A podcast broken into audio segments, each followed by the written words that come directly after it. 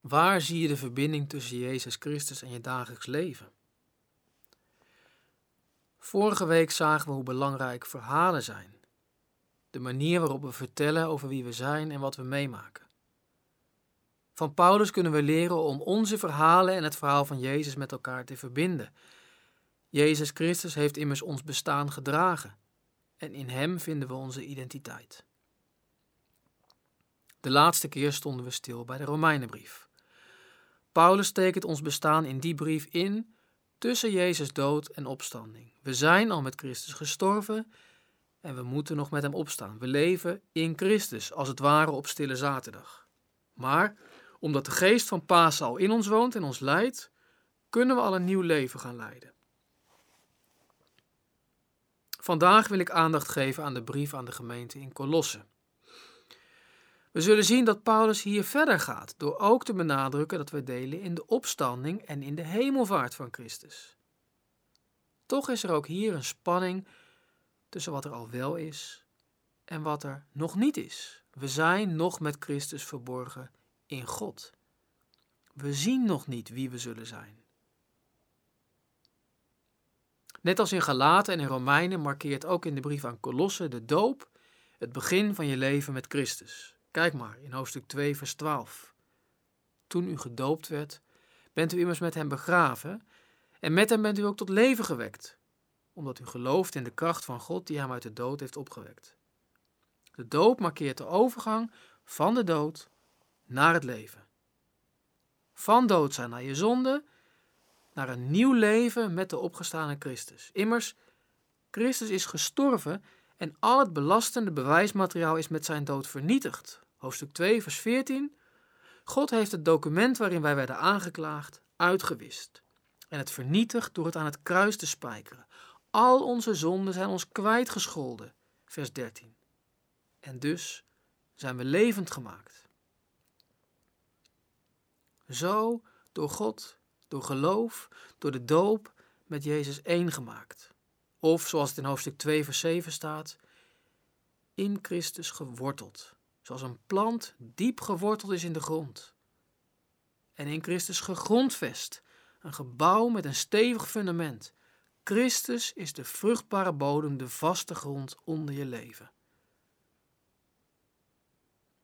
Zo ben je ook dood voor de machten van de wereld.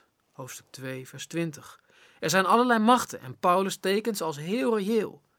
Maar je hoeft niet je best te doen om ze te vriend te houden. Je hoeft er niet bang voor te zijn. Voor hen ben je dood. Voor hen besta je niet meer. Sterker nog, die machten zijn door Christus overwonnen en belachelijk gemaakt. Kijk maar in 2 vers 15. Al hun wapens zijn hun uit handen geslagen. De duivel was de grote aanklager die ons aanklaagde bij God. Kijk eens wat die mensen voor een chaos van hun leven maken. God, u moet er iets aan doen. Pak ze aan, die mensen.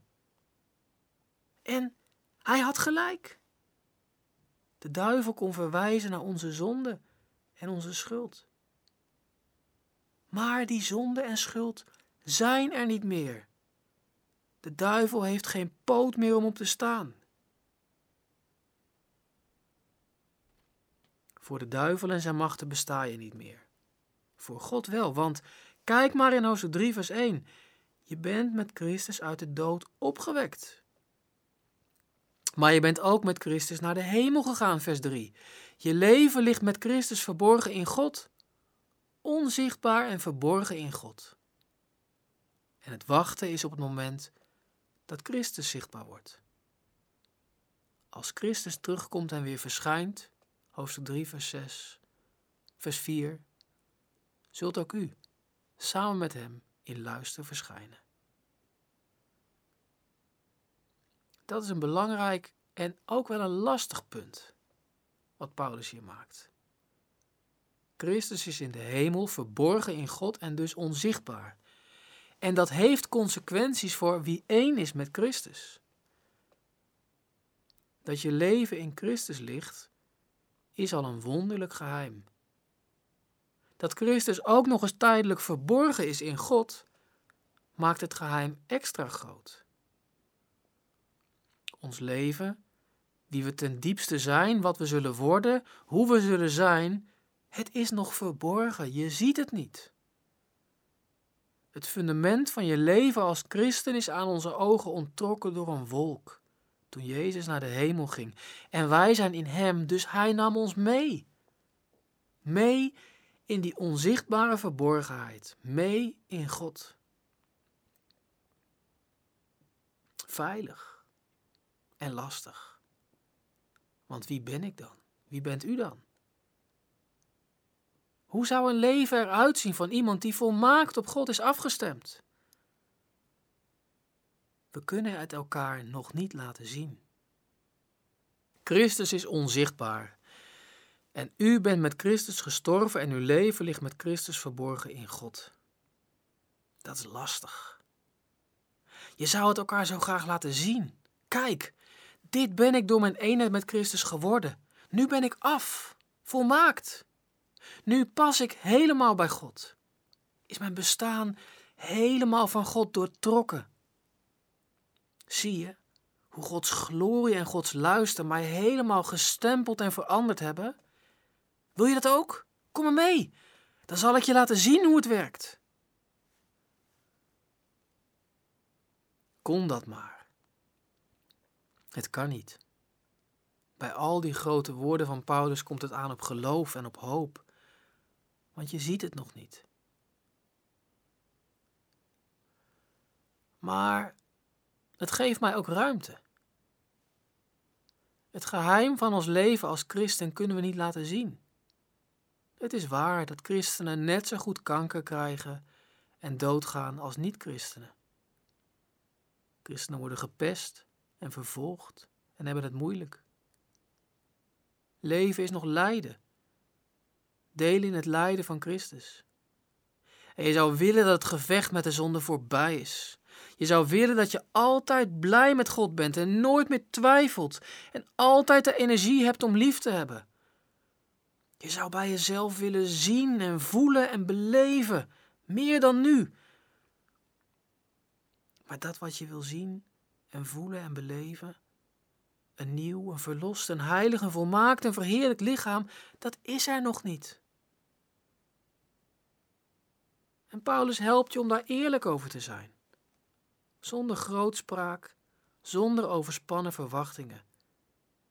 Het geheim van ons bestaan, Christus die ons leven is, is nog verborgen. Veilig in God, maar wel onzichtbaar. Ons fundament, ons ideaal, ons grote voorbeeld is voor nu nog onzichtbaar en dus is leven als christen zoeken soms. Dat is niet uw en mijn fout. Dat is het gevolg van hoe God werkt. De grote transformatie van de wereld moet nog komen. Jezus moet zich nog laten zien in al zijn glorie en macht. Ja, zijn luister, zijn volmaaktheid, die zie je nog niet. Maar je kunt wel mensen ontmoeten die in hun eigen leven wel degelijk de doorwerking ervaren van dat leven in Christus. Misschien bent u zelf wel zo iemand aan wie anderen het zien, hoe Christus levens verandert. Niet meer aangeklaagd. Jij. Kijk nou eens wat jij van je leven hebt gemaakt, sukkel. Niet meer in de greep van de machten van het kwaad.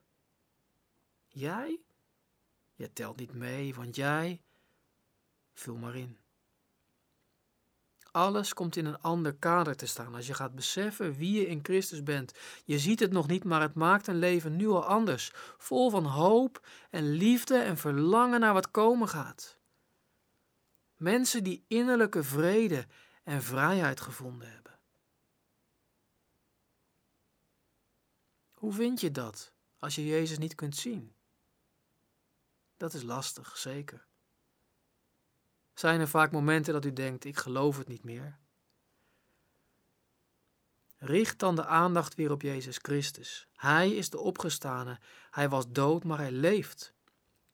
Hij is naar de hemel gegaan. Hij zit aan Gods rechterhand. En weet u wat dat betekent? Aan de rechterhand van God zitten. Dat Hij als Gods koning regeert over hemel en aarde en dat hij in het machtscentrum van dit universum zit. En wat gebeurt er als Jezus weer zichtbaar wordt en als u bij Jezus hoort? Als Jezus terugkomt en zichtbaar wordt, dan verandert iedereen die in Christus is van uiterlijk. Gods luister en glorie worden dan zichtbaar, in mij en in u. En dus richt nu de aandacht al op Christus, zodat je leven nu al door Christus gestempeld wordt. Het gaat erom dat zijn nieuwe leven nu al je bestaan verandert. Kijk maar in hoofdstuk 3, vers 5 en verder. Niet meer een leven van seks en drank, van schelden en vloeken, ruzie en drift, van hebzucht en oneerlijkheid. Laat dat doodgaan. Sterven met Christus. Christus aantrekken. De nieuwe mens aantrekken. Vol zijn van Christus woorden. Vol zijn van liederen van de geest. Of dat zichtbaar wordt.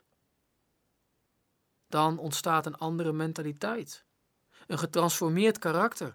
Die nieuwe mogelijkheden, u krijgt ze. Trek het aan. Innig meeleven, goedheid en bescheidenheid. Elk van die woorden is een wereld op zich. Allemaal kleine verhalen kunnen het zijn die het grote verhaal van Jezus tastbaar maken op het niveau van alle dag. Stel je voor dat er iemand is die aan je vraagt hoe het met je gaat en die echte belangstelling heeft.